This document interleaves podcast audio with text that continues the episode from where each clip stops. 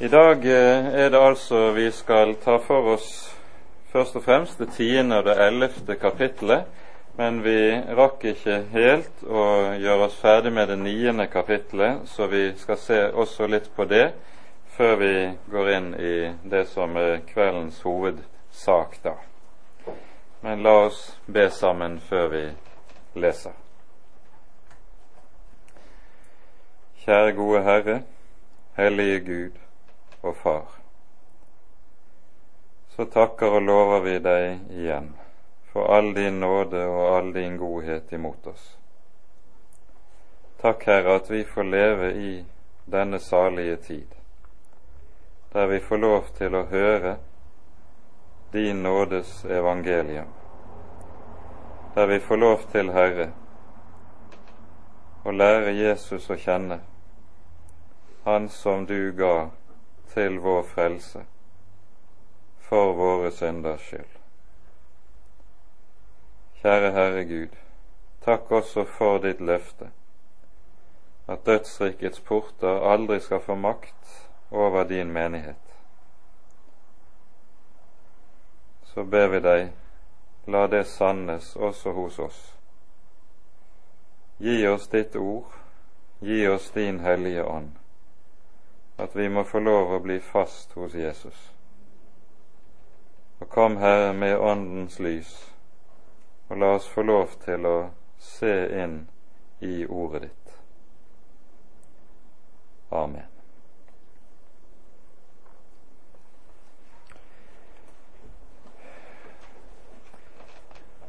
Det er altså slik at vi med dette avsnittet i åpenbaringsboken er inne i den delen der vi hører om de syv basunene som da ble det ble åpnet for i og med at det siste seilet på bokrullen ble brutt. Og De syv basunene de eh, innvarsler det som er den endelige avslutning, og vi hører ikke minst i forbindelse med det som sies når det gjelder de tre siste basunene, den femte, den sjette og den syvende, så får vi likesom på foregripende og foreløpig måte rullet opp for oss noe av den veldige åndskamp som så utlegges videre for oss fra det trettende kapittelet av, der vi hører først og fremst om Antikrist og hans rike og hans historie. Vi er med det niende kapittelet, eh, der vi nå begynner midt i kapittelet, kommet til den sjette basunen. Og vi leser da fra vers tolv av. Det første vedrop er over. Se, ennå kommer det to vedrop etter dette. Og den sjette engel blåste, og jeg hørte en røst fra de fire horn på det gullalter som står for Gud. Den sa til den sjette engel, han som hadde basunen, Løs de fire engler som er bundet ved den store elv Eufrat. Og de ble løst, de fire engler som hadde stått ferdige på timen og dagen og måneden og året til å drepe tredjedelen av menneskene. Og tallet på hestfolkets hær var to ganger ti tusen ganger ti tusen. Jeg hørte tallet på dem. Og således så jeg hestene i mitt syn, og dem som satt på dem de hadde ildrøde og mørkerøde og svovelgule brynjer, og hestenes hoder var som løvehoder, og av deres munn gikk der ut ild og røk og svovel. Av disse tre plager ble tredjedelen av menneskene drept. Av ilden og av røken og av svovelet som gikk ut av deres munn. For hestenes makt ligger i deres munn, og i deres hale, for deres haler er som slanger og har hoder, og med dem gjør de skade.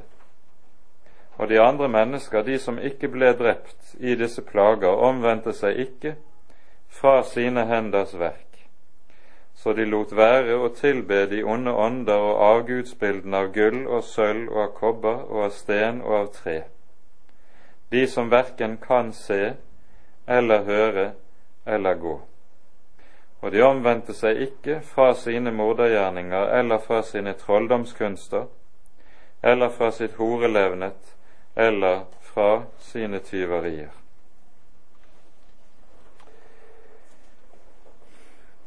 Det er et allment trekk ved det vi hører i åpenbaringsboken når det gjelder eh, synet fremover mot avslutningen at i all hovedsak så er det her, like som med Jesu store endetidstale i Matteus 24, at vi på sett og vis kan todele både de tegn det er tale om, og dermed også de perioder det er tale om. På den ene side, og det er det første, så er det tale om verdenshistorien i relativt generelle vendinger. Vi var inne på det i forbindelse med de syv seil.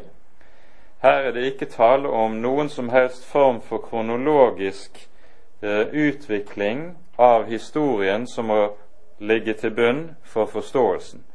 Men tvert om er det slik at med de syv seil gis det oss så å si de grunnleggende regler eller krefter som ligger bak og styrer historiens gang, og som ligger der, ligger i bunn, like som fra begynnelsen og til enden i fallets verden.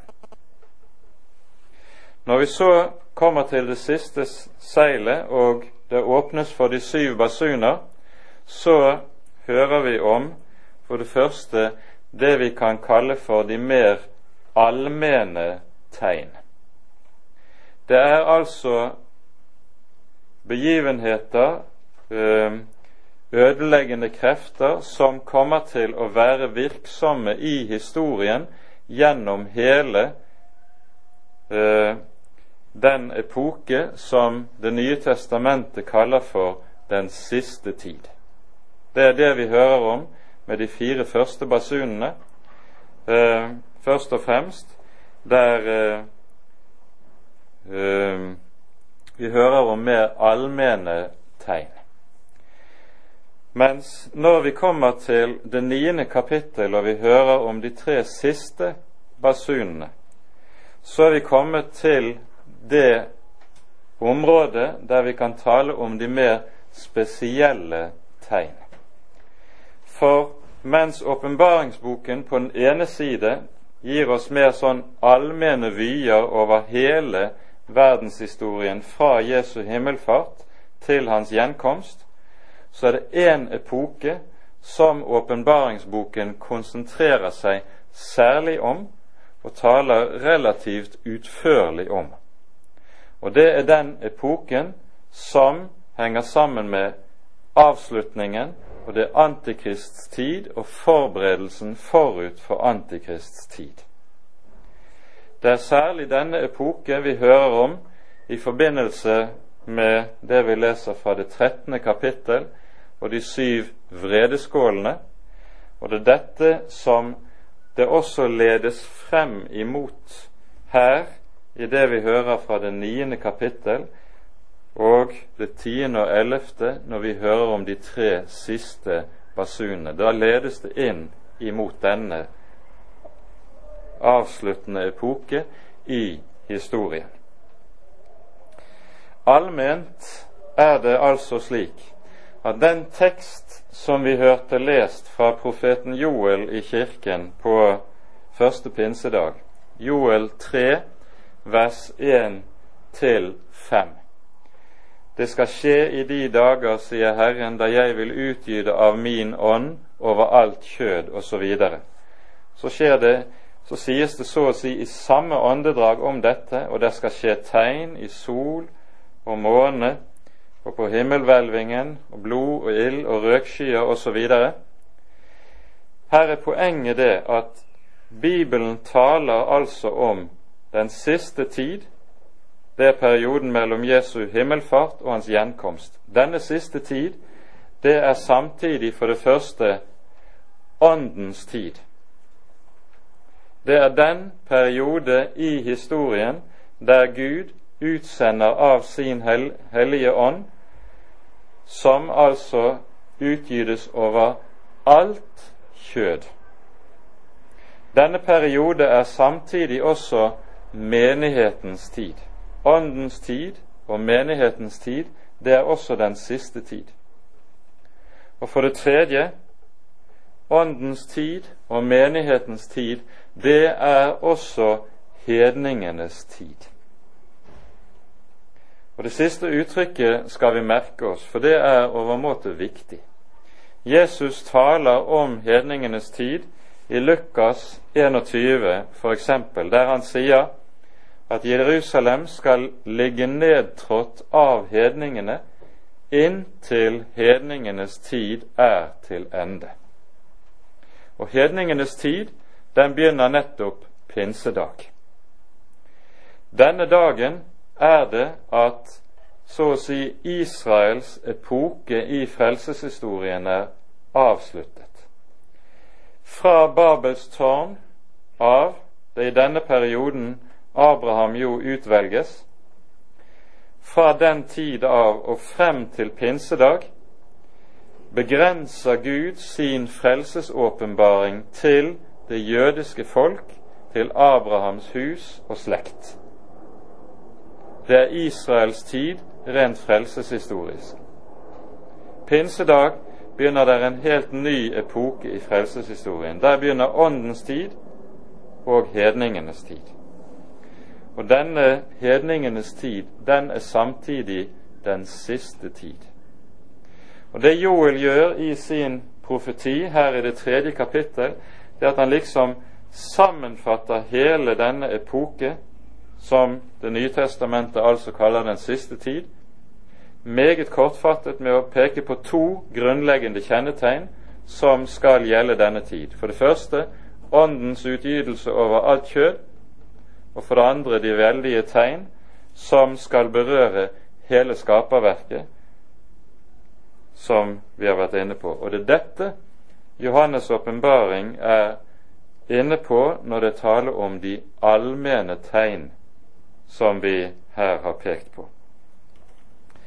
Med det niende kapittel så hører vi om to typer tegn som skal kjennetegne den siste periode forut for Antikrist fremtreden og i samband med hans fremtreden.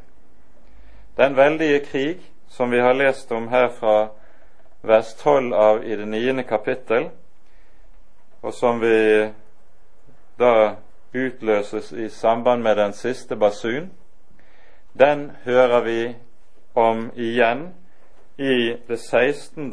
kapittelet i åpenbaringsboken, der det sies helt uttrykkelig at her er det nettopp den antikristelige innflytelse som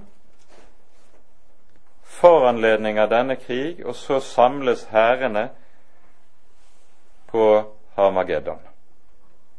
Og det er rimeligvis slik at det samme krig i forbindelse med avslutningen det taler om ved denne anledning.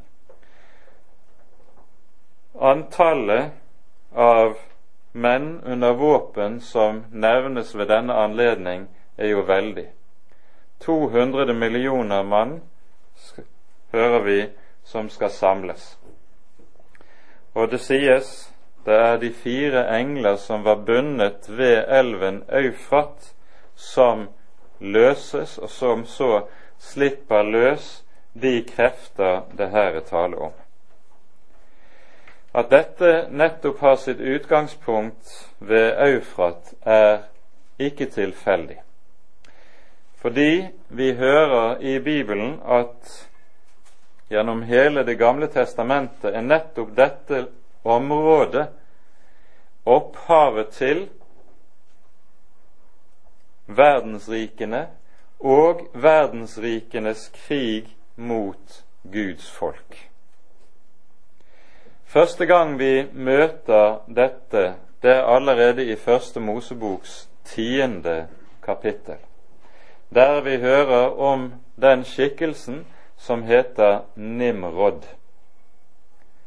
Nimrod var en veldig jeger for Herrens åsyn, sies det om ham, og han fikk stort velde, og vi hører og forstår av omtalen av han at han er den som grunnlegger det første verdensriket.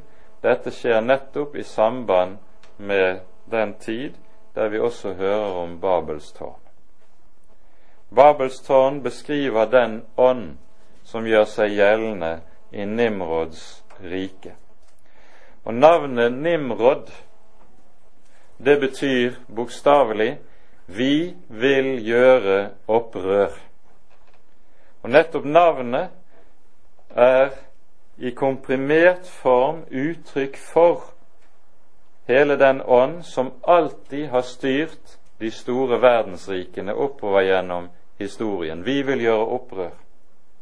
Og da er det opprøret mot den levende Gud som er drivkraften i dette. Og Derfor er det Babelstårnet som også likesom står der som hovedsymbolet for denne epoken i historien. Senere er det her det asyriske verdensriket springer ut, så babylonere, så kaldeere og persere osv. Og det ser da ut til, slik Skriften taler om dette, at på ny, i samband med avslutningen av historien, så skal det være dette området i verden der hærene samler seg mot Guds folk. Og det har fortsatt Nimrods navn som innbegrepet av den åndsmakt som er drivkraften i dette. Vi vil gjøre opprør.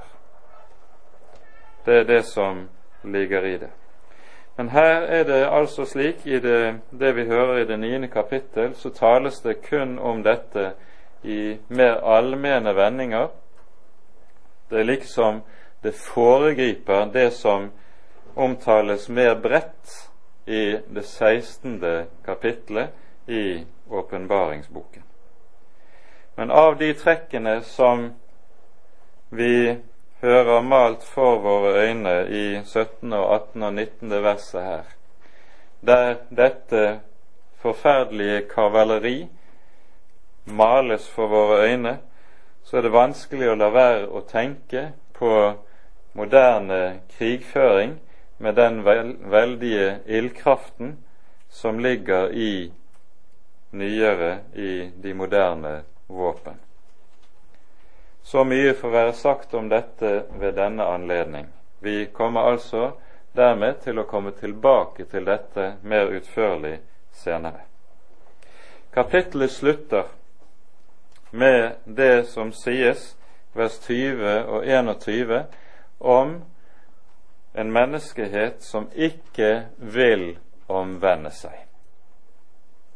Og Dette innleder så et mellomspill som nå kommer i kapittel 10 og i kapittel 11, før den siste, den syvende basunen lyder. av det som sies i de to siste versene i kapittel 9, så forstår vi at slik her, det er med de straffedommer som Herren lar ramme menneskeheten i denne historiens avslutning, så har disse en hovedhensikt. Herren søker gjennom nød trengsel og gjennom hårde dommer å utvirke omvendelse blant menneskene. Nøyaktig det samme ser vi om igjen og om igjen være noe av Guds måte å arbeide på i gammeltestamentlig tid.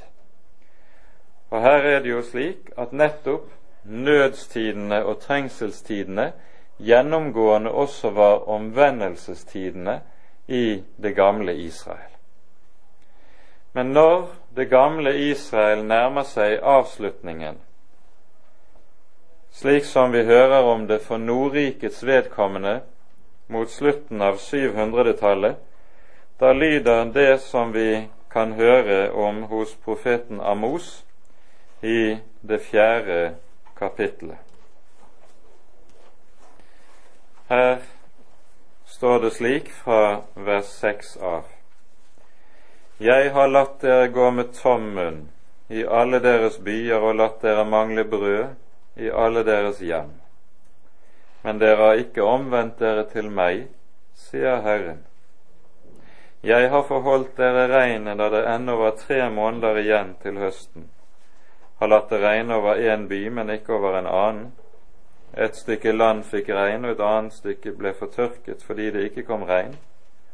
Og to og tre byer ravet av sted til en og samme by for å drikke vann, og dere fikk ikke nok. Men dere har ikke omvendt dere til meg. Og slik fortsetter det. Dere har ikke omvendt dere til meg, står der som et refreng som går igjen gjennom hele dette kapitlet. Og fordi folket da slik, trass i Herrens tukt, ikke vil vende om, drar Gud selv konklusjonen av dette i, som vi så hører i det tolvte verset.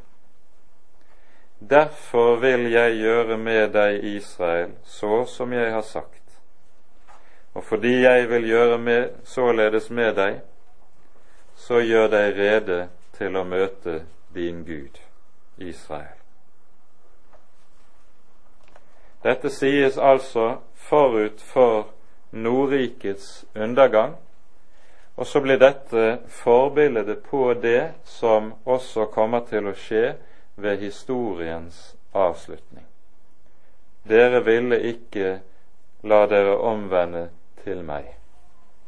Derfor sier Herren, gjør deg rede til å møte din Gud. Og så kommer avslutningen. Legg også merke til hvordan avgudsdyrkelsen og menneskets forherdelse beskrives her i disse to versene i Åpenbaringen 9. En kan grovt si det slik at i det tyvende verset beskrives menneskets religiøse synd, og i det 21. verset menneskets moralske synd. Det er hovedforskjellen på disse. Og Når det gjelder den religiøse synd, så skal vi også merke oss hvorledes den beskrives. For det første beskrives den slik de lot ikke være å tilbe de onde ånder. Med det peker Skriften på noe som er fundamentalt når det gjelder avgudsdyrkelsen. For det første sier jo Bibelen meget tydelig at det finnes ingen annen Gud enn Han som er Herren. Avgudene eksisterer ikke, og derfor er Det gamle testamentets ord for avgud rett og slett et ord som betyr intethet. Avgudene er intetheter, det er nulliteter. Det er noe som ikke eksisterer. Likevel befinner det seg åndsmakt bak avgudsdyrkelsen. Og det mennesket gjør når de dyrker avgudene, er at de altså dyrker de onde ånder. Og gjennom denne avgudsdyrkelse så får også onde ånder makt over menneskene og menneskenes hjerter, slik at det holder dem i fangenskap. Bakom all, all avgudsdyrkelse er det en ond åndsmakt som er virksom, kraftig virksom, til stede. Det er det første vi legger merke til her. Det andre trekket som beskrives her, det er at avgudene beskrives som noe menneskene dyrker, de dyrker sine egne henders verk. Og Det er et uttrykk som stadig dukker opp i Gamle testamentet til beskrivelse av avgudsdyrkelsen. Og Her er det da nettopp slik at avgudene det er noe som menneskene gjør seg selv og i sitt eget bilde. I motsetning til det som er tilfellet med den levende Gud, som altså har skapt mennesket i sitt bilde, så er det menneskene gjør i all avgudsdyrkelse, og vi kan også si i all vranglære, det er at menneskene gjør seg Gud eller guder i sitt eget bilde. Etter de gjør seg guder ut fra det de mener de har behov for, og at de har lyst til. Det som kjennetegner Bibelens Gud i motsetning til dette, er jo nettopp at han ikke er i menneskets bilde. Han er den som er hellig, som er full, fullstendig annerledes, og som derfor også sier til sitt folk Salme 50 hører vi det sies Du tenkte jeg var som du. Veldig ofte er det slik at menneskene innbiller seg når de forandrer på Gud, så tenker man seg Gud er sånn som vi er det. Du tenkte jeg var som du. Og så svarer Gud på det, men jeg vil straffe deg og stille det frem for dine øyne. Guds navn er i Skriften heller ikke noe som er tilfeldig. Gud heter 'Jeg er den jeg er'. Han er ikke den vi ønsker at han skulle være den som menneskene måtte finne for godt å føle eller ha lyst til å ha. Gud sier 'Jeg er den jeg er'. En Gud som er absolutt upåvirkelig av mennesket. Han er den han er. Og så handler all levende gudstro om det grunnleggende at Gud får lov til å være den han er i våre liv, uten at vi skal forsøke oss på å endre på han eller forandre på han. Menneskene dyrket sine henders verk, sies det. Bibels gudstro er altså noe helt annet. Her er det ikke tale om en Gud gjort i vårt bilde og etter vår, vår lignelse, men å bøye seg for Han som er den Han er. Og Dermed er vi kommet inn i, til det tiende kapittel, som vi nå leser i sammenheng. Jeg så en annen veldig engel komme ned fra himmelen kledd i en sky. Regnbuen var over hans hode, og hans åsyn var som solen, hans føtter som ildstøtter, og han hadde i sin hånd en liten, åpnet bok. Han satte sin høyre fot på havet og den venstre på jorden, og ropte med høy røst som en løve brøler. Og da han hadde ropt, talte de syv tordener med sine røster. Og da de syv tordener hadde talt, ville jeg til å skrive, og jeg hørte en røst fra himmelen si:" Sett seil for det de syv tordener talte, og skriv det ikke. Og engelen som jeg så, sto på havet og på jorden, løftet sin høyre hånd opp mot himmelen, og svor ved ham som lever i all evighet, han som skapte himmelen og det som er i den, og jorden og det som er på den, og havet og det som er i det, at det ikke skal være tid mer. Men i de dager da den syvende engels røst blir hørt, når han skal blåse i basunen, da skal Guds hemmelighet være fullbyrdet, således som han forkynte for sine tjenere profetene. Og den røst som jeg hadde hørt fra himmelen, hørte jeg atter tale med meg og si:" Gå og ta den lille åpnede bok i den engels hånd som står på havet og på jorden. Og jeg gikk bort til engelen og sa til ham at han skulle gi meg den lille bok. Og han sier til meg, ta og et den, og den skal svi i din buk men i din munn skal den være søt som honning. Og jeg tok den lille bok av engelens hånd og åt den, og i min munn var den søt som honning, og da jeg hadde etten, svidde den i min buk. Og de sier til meg, du skal atter spå om mange folk og etter og tunger og konger.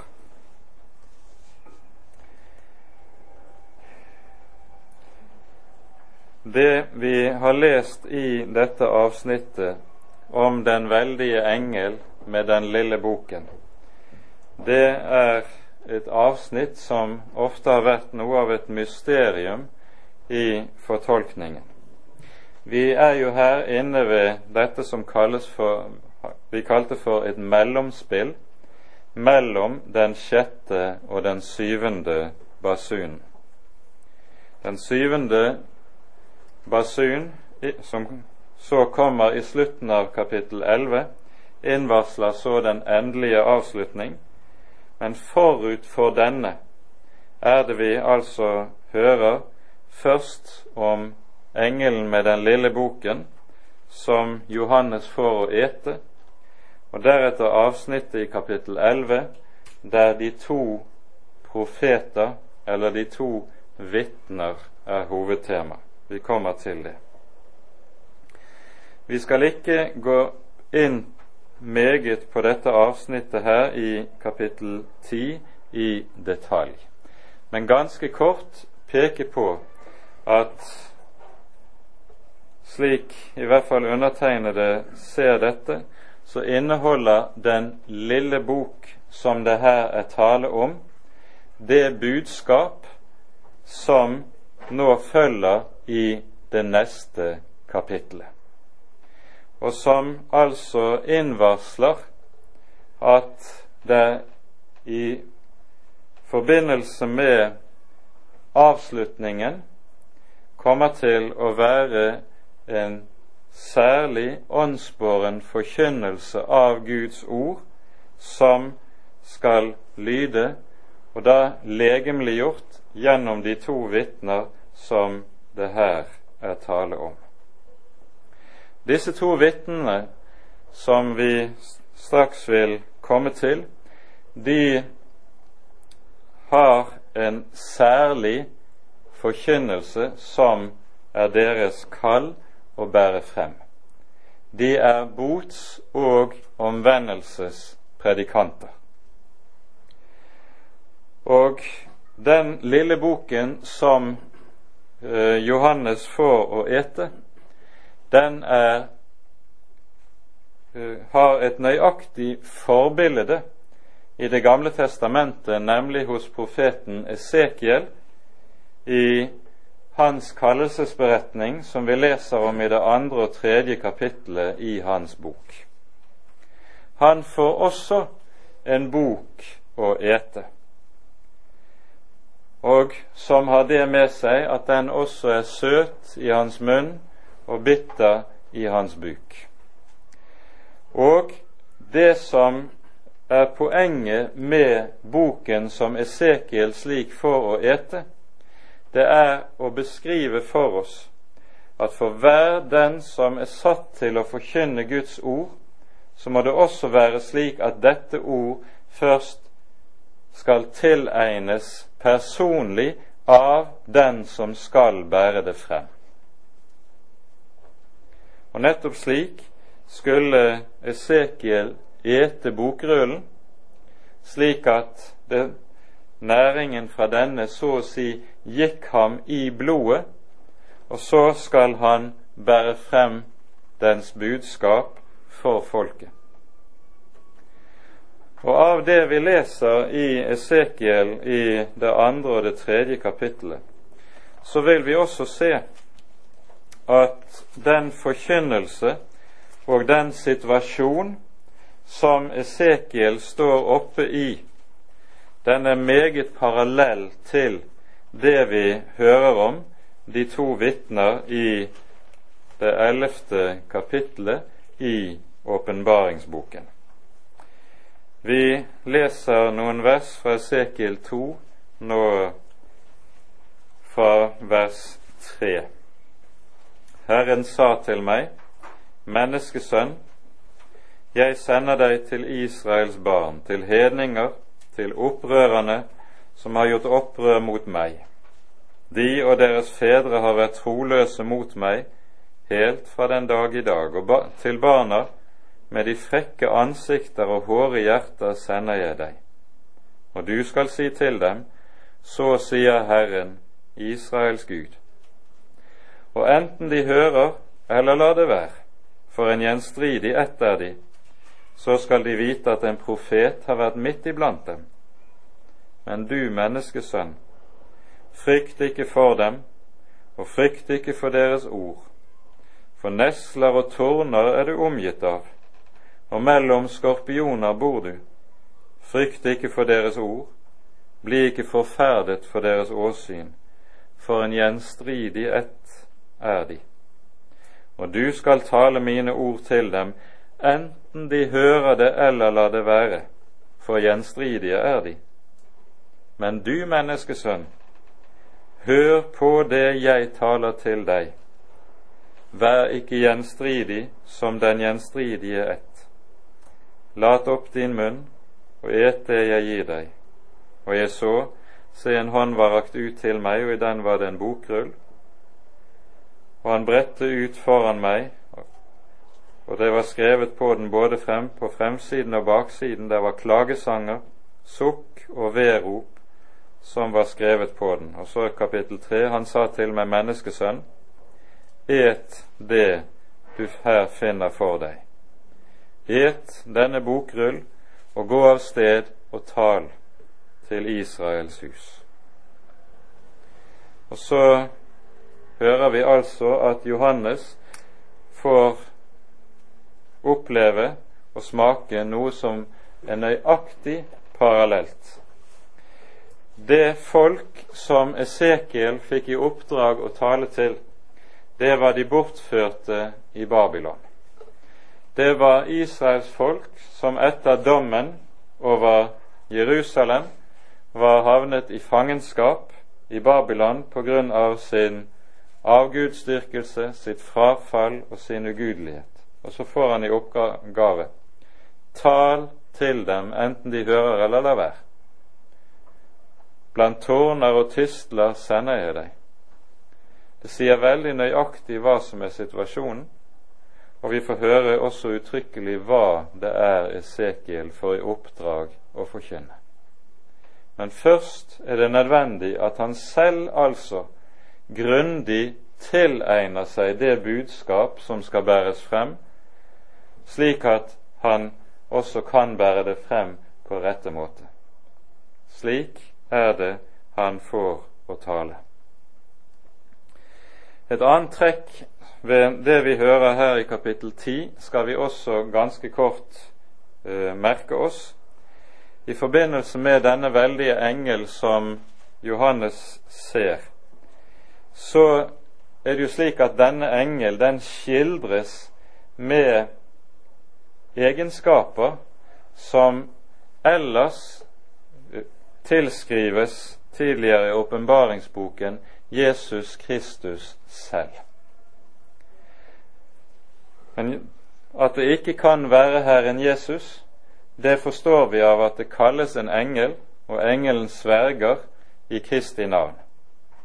Det er altså en annen engel men i og med at den skildres med egenskaper som ellers tilskrives Jesus, så forstår vi at dette er en som på en særlig måte er Kristi redskap og utsending når det gjelder det å bære frem Hans ord.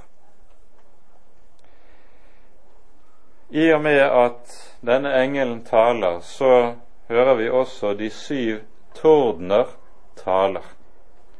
De syv tordner, det er de samme som vi har hørt om tidligere, omtalt for det første i kapittel fire, der vi hører om de syv faklene som brenner for tronen, og i kapittel fem om lammet som har syv øyne og syv horn. Og det sies uttrykkelig dette er de syv Guds ånder. De syv tordener, det er altså Åndens tale, men ved denne anledning er det slik at denne Åndens tale den får Johannes ikke tillatelse til å skrive ned eller forkynne videre. Den er beseglet, den er en hemmelighet som vi ikke får vite før fullendelsen kommer. Slike ord som det settes seil over, og som det ikke er Herrens apostler og profeter tillatt å tale, hører vi om ved flere andre anledninger i Skriften. For det første hører vi Paulus omtale dette i 2. Korinterbrevs 12. kapittel.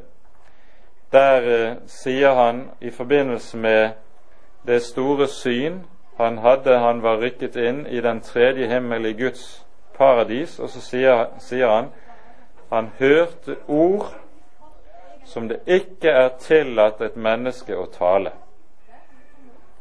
Og så hører vi tilsvarende også i Daniels bok i det tolvte kapittel noe lignende sies om Daniel. Han får også gitt seg åpenbaring fra Herren, som han så får uttrykkelig befaling om. Sett seil over disse ord, og de skal være en hemmelighet. Det er noe av dette som ligger i det som nå sies, men engelen, når han løft, så løfter hånden og sverger, så sier han det avgjørende som vi hører i vers 7. I de dager da den syvende engels røst blir hørt, når han skal blåse i basunen, da skal Guds hemmelighet være fullbyrdet. Således som han forkynte, for sine tjenere profetene. Ordet hemmelighet møter vi en rekke steder i Det nye testamentet, og det er ordet mysterium i Bibelens grunntekst. Dette ordet det brukes alltid for å betegne én hovedsak. Det er evangeliet som er Guds hemmelighet. Og dette, denne Guds hemmelighet har dette med seg at begrepet alltid henger sammen med det som er fra begynnelsen av. Gud har i sitt evige råd fra begynnelsen av bestemt evangeliet. Dette er hemmeligheten. Og når historien når sitt mål, så har også evangeliets hemmelighet blitt fullbyrdet. Frelsens hemmelighet er fullbyrdet. Og så er bryllupssalen full. Det er noe av det som ligger i dette. Vi har vært inne på dette ordet hemmelighet tidligere i forbindelse med bibeltimene. Men vær klar over altså denne sammenheng som begrepet mysterium har med begynnelsen. Her er det tale om altså Guds råd av evighet, og som er gitt i evangeliet. Og evangeliet er en slik hemmelighet. Det kalles et mysterium, en hemmelighet, fordi det er utilgjengelig for mennesket. Det er ikke noe mennesket kan tenke seg frem til, grave seg frem til, finne ut av på egen hånd. Det er alltid noe som må gis og åpenbares av Guds ånd og ved Guds ord. Denne hemmelighet har altså et mål.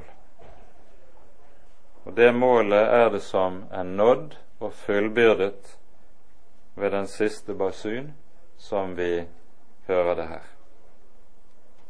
Og Dermed forlater vi det tiende kapittel og leser så det ellevte kapittel frem til og med det fjortende verset.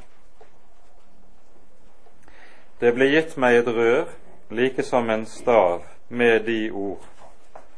Stå opp og mål Guds tempel og alteret og dem som tilber der. Men forgården utenfor tempelet, la den være, og mål den ikke, for den er gitt til hedningene, og de skal tre ned den hellige stad i 42 måneder. Og jeg vil gi mine to vitner at de skal være profeter i 1260 dager kledd i sekk. Dette er de to oljetrær og de to lysestaker som står for all jordens herre. Og dersom noen vil gjøre dem skade, da går det ild ut av deres munn og fortærer deres fiender, ja, dersom noen vil gjøre dem skade, da skal han drepes på samme måte. Disse har makt til å lukke himmelen, så det ikke skal falle noe regn i de dager de er profeter, og de har makt over vannene til å omskape dem til blod, og til å slå jorden med alle slags plager så ofte de vil. Og når de har fullført sitt vitnesbyrd, da skal dyret som stiger opp av avgrunnen, føre krig mot dem og seire over dem og drepe dem. Og deres lik skal ligge på gaten i den store by, den som i åndelig mening kalles Sodoma og Egypten, der hvor òg deres Herre ble korsfestet. Og noen blant folkene og stammene og tungene og ættene skal se deres lik i tre dager og en halv, og ikke tillate at deres lik blir lagt i grav. Og de som bor på jorden skal glede seg over dem og fryde seg, og de skal sende gaver til hverandre fordi disse to profeter var til plage for dem som bor på jorden. Og etter de tre dager og en halv kom der livsånder fra Gud i dem, og de reiste seg opp på sine føtter, og en stor frykt falt på dem som så dem. Og de hørte en høy røst fra himmelen si til dem, Stig opp her. Og de steg opp til himmelen i skyen, og deres fiender så dem. Og i samme stund ble det et stort jordskjelv, og tiendedelen av byen falt, og 7000 mennesker ble drept i jordskjelvet, og de andre ble forferdet og ga himmelens Gud ære. Det annet ved er over. Se, det tredje ved kommer snart.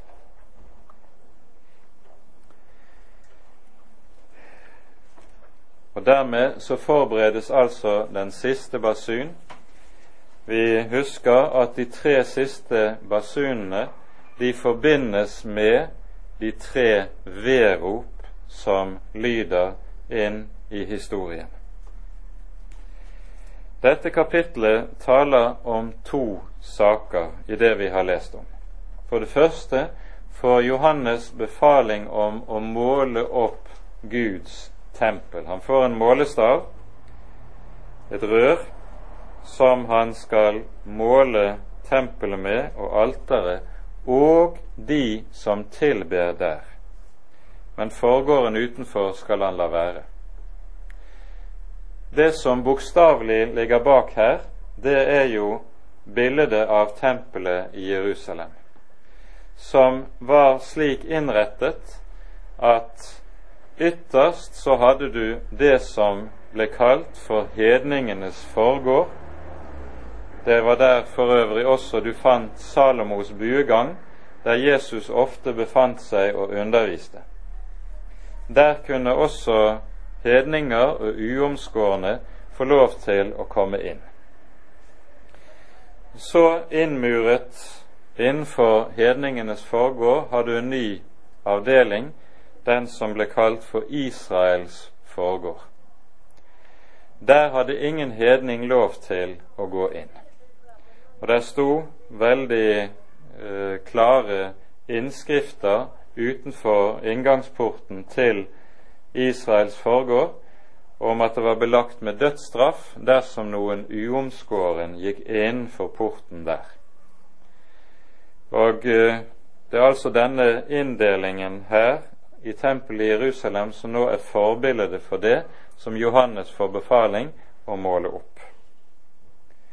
Men nå er det jo slik at skulle det være med tanke på tempelet i bokstavelig eller fysisk ytre mening det er Johannes for befaling, da vil vi ende opp i rene meningsløsheter når det gjelder utleggelsen av teksten.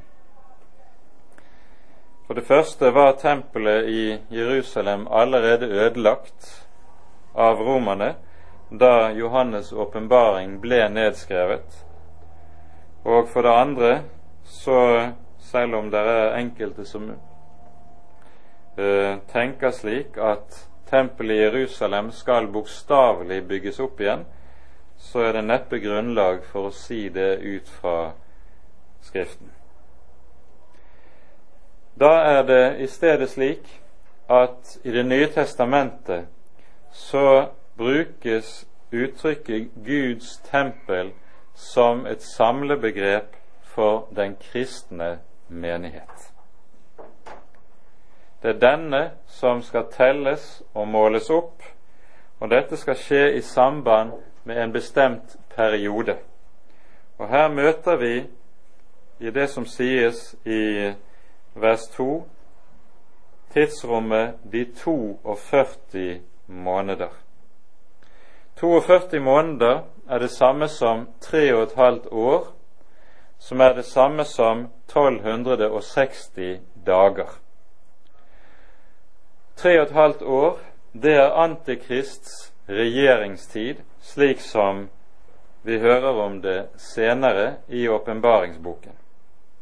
Tre og et halvt år var den epoke som vi hører om i Daniels bok, da det gammeltestamentlige Israel kom inn i den trengselstid som utgjør forbildet på den antikristelige trengselstid, nemlig da den syriske konge Antiokus Epifanes inntok Jerusalem, satte opp avgudsbildet i tempelet og innledet en blodig forfølgelse av alle troende israelitter. Og Dette var også en periode på tre og et halvt år. Og Denne perioden den utgjør så forbildet på den antikristelige trengselstid. Det som sies i vers 2 her, når det taler om at hedningenes forgård skal være nedtrådt i to, 42 måneder, det sikter antageligvis til det, for begrepet 'nedtrådt' i denne sammenheng peker på at eh, peker på undertrykkelse og ødeleggelse. Det sikter til vanhelligelse av det hellige rom. Og antagelig er det her da tale om at vi nå er nettopp inne i den antikristelige trengselstid, der du har en del av tempelet, hedningenes forgård, som vi kan si utgjør bildet på den ytre kristenhet, som vi gjerne kaller navnekristendommen, til forskjell fra de som har Kristustroen i sannhet og som er den indre helligdom. De er talt, de er målt, over dem skal dødsrikets porter ikke få makt. Men i denne periode skal Antikrists herrevelde så å si gjøre seg gjeldende i den ytre kristenhet, trå den ned og vanhellige den, altså gjennom denne periode. Og så skal alt som heter navnekristendom, vise seg å være noe som ikke holder stand i denne tid. Så er det vi i neste omgang da hører om de to vitner. I dette ligger også noe av uh, et mysterium i bibelutleggelsens historie. Og disse to vitnene har vært forstått på forskjellige måter.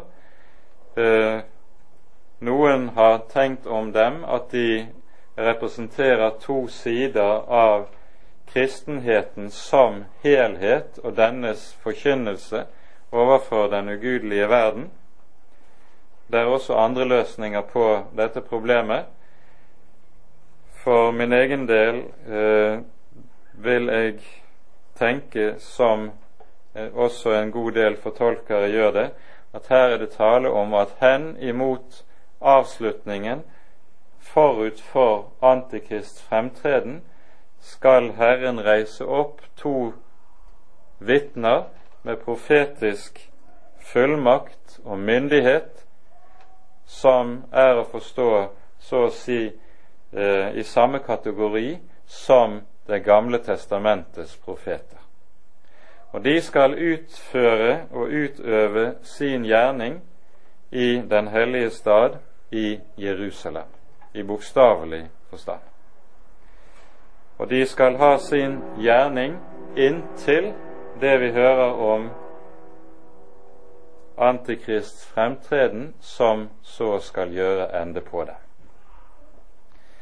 Dette vil innebære at forut for avslutningen vil Han som er all skapningens herre, sørge for at Hans ord skal bli forkynt så klart med så stor tydelighet og med så stort ettertrykk at det Skriften sier i en annen sammenheng, skal bli stående klart, nemlig derfor har de ingen unnskyldning når de ikke vendte om. For Herren har ikke latt seg uten vitnesbyrd. Han har latt sitt ord lyde med en slik tydelighet og en slik klarhet midt i frafallets tid og i frafallets verden, at det også skal sies derfor har de ingen unnskyldning når de ikke vendte om. Disse to vitnene de tegnes med trekk som vi kjenner igjen fra Det gamle testamentet. Det er Moses og Elias bilde vi så å si møter igjen hos disse to. Elias er jo den som på Herrens befaling fikk det til å bli tørke i landet også i tre og et halvt år, i 42 måneder. Her møter vi igjen denne perioden på tre og et halvt år. Moses er den som slo Nilen, vannet i Nilen slik at vannet ble til blod. Og som vi altså da hører igjen her i eh, det sjette verset. Så det er disse to sentralskikkelser fra Det gamle testamentet som vi likesom møter igjen her. Og da, Det er nok ikke tilfeldig at det nettopp også er disse to som viste seg for disiplenes øyne da Jesus ble forklart på berget. Da var det jo slik at Jesus nettopp, når han ble herliggjort og forklart for disiplenes øyne, så talte han med Moses og Elias. Disse to skikkelsene i Det gamle testamentet de representerer nemlig to grunnleggende sider ved den gammeltestamentlige åpenbaring. For det første Moses, som paktsstifteren og lovgiveren. For det andre Elias, som den profet som har i oppgave å gjenreise Israel som paktsfolk og vende dem tilbake til Herren. De står der som så å si det gamle pakts to hovedprofeter og personer. Og disse er det da som vi møter igjen i samband med avslutningen. Det er mulig at det også er slik i Matteus 11 hører vi nemlig at Jesus vitner om døperen Johannes. Dere vil huske at døperens disipler kommer til Jesus og spør på døperens vegne er du den som skal komme, eller skal vi vente en annen? De får svar, og etter at de har dratt av sted og vendt tilbake til Johannes, så begynner Jesus å undervise om døperen. Og han gir døperen det vitnesbyrd at ingen større er født blant dem som er født av kvinner. Og så sier Jesus i denne anledning også, og om dere vil høre det, han er den Elias som skal komme. Merk det. Det står ikke 'han er den Elias som skulle komme', dvs. Si, som allerede var kommet i døperens person. Nei, det står 'han er den Elias som skal komme'.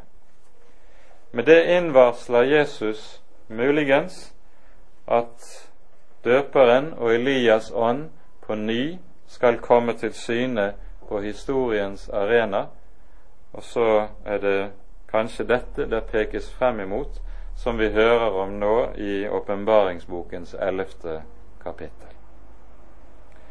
Det vi da også merker oss i denne sammenheng, det er at samtidig som Antikrists fremtreden i historien forberedes gjennom et veldig frafall som skal foregå innen den historiske kristenhet. Det hører vi om i 2. Tessalonikabrevs 2. kapittel, som vi har så vidt vært inne på tidligere. Så skal det samtidig være slik at midt oppi dette frafall så vil Herren sørge for at ordet hans ikke skal forstumme, det skal dog lyde og lyde med en klarhet, en tydelighet og en kraft som gjør at det ikke kan ignoreres, ikke kan bringes til taushet før deres løp er til ende. For når det tales om den motstand som de skal bli utsatt for, så sies det om dersom noen vil gjøre dem skade, går det ut ild av deres munn og fortærer deres fiender, så er vel det ikke bokstavelig å forstå, men vi må tenke i retning av også to bibelske forbilder vi har til dette. For det første hører vi om noe lignende med profeten Elias i første kongebok, unnskyld, andre kongeboks første kapittel, der noen kom og ville gripe Elia med vold og makt og gjøre ham skade, og det ble til deres egen død. Og vi hører også i Nytestamentet noe lignende, nemlig beretningen om Ananias og Safira i apostelgjerningenes femte kapittel. Der Peters ord til noen som vil lyve for Den hellige ånd, gjør at de slås til jorden. En slik fullmakt har de altså fra Herren til å virke i en begrenset periode, inntil deres tid er slutt. Når det sies i vers 7, som vi hører det, når de har fullført sitt vitnesbyrd, da skal dyret som stiger opp av avgrunnen, føre krig mot dem og seire over dem. Så er dette et uttrykk som er underlig, og som vi også skal legge merke til. Dyret som stiger opp av avgrunnen, er jo et navn på Antikrist. Og Han tegnes jo, når vi kommer til 13. kapittel i åpenbaringsboken, som en som nettopp har verdensherredømme. Han har altså ubegrenset politisk makt. Og når ordet krig da brukes om denne mann som retter så å si all sin makt og velde mot disse, så forstår vi av dette hvor maktpåliggende det er å bringe disse Herrens vitner til taushet. Han kan ikke fremme sitt herredømme uten at det ord som lyder gjennom disse, forstummer. Og så samler han så å si alle sine krefter vendt imot disse. Og det siste veldige vitnesbyrd som da skal være i verden, før det antikristelige mørket senker seg for fullt over menneskeheten i 42 måneder, det er at disse to, etter at de er myrdet, så skal reises opp igjen etter tre og en halv dag. Og så skal de fare opp til himmelen, hører vi,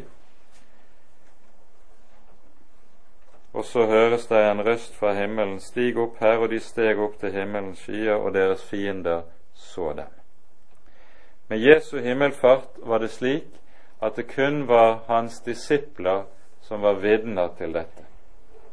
Med Elias himmelfart er det også nøyaktig på lignende vis. Det var kun hans disipler som var vitne til det.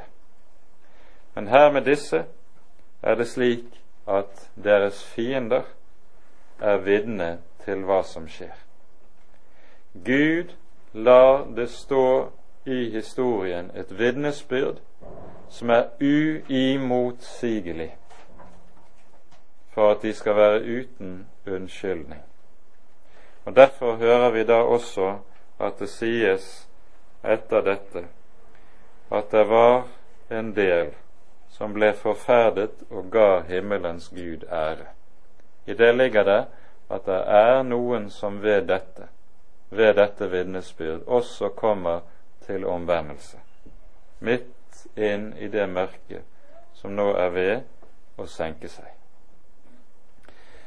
Med det som dermed er pekt på, så ligger bakom dette det som eh, Jesus taler om i sin store endetidstale dette evangelium om riket skal forkynnes til et vitnesbyrd for alle folkeslag, så skal enden komme. Og det skal være et vitnesbyrd som er meget tydelig og meget klart. Gjennom dette vitnesbyrd så møter den ugudelige verden en åndskraft som svarer til noe av det som vi hørte hos en Esekiel, som uredd må stå der midt iblant tårner og tistler og skorpioner og forkynne det som folket ikke vil høre. En gjenstridig ett er de, var det han fikk høre om igjen og om igjen om dem han skulle forkynne til. Midt inn i denne situasjonen skal disse svare til dette karaktertrekket og bære frem Herrens ord, for at de ikke skal ha noen unnskyldning. Det tror jeg er helt avgjørende å ha dette perspektivet på det som ligger foran. Så kommer den syvende basun, og etter det som berettes om den, kommer det tolvte kapittelet, som kanskje kan betegnes som hovedkapittelet i åpenbaringsboken. Og Begge de to sakene blir da tema for neste bibeltime. Vi rekker ikke mer i dag. Ære være Faderen og Sønnen og Den hellige ånd, som var og er og være skal, en sann Gud, høylovet i evighet. Amen.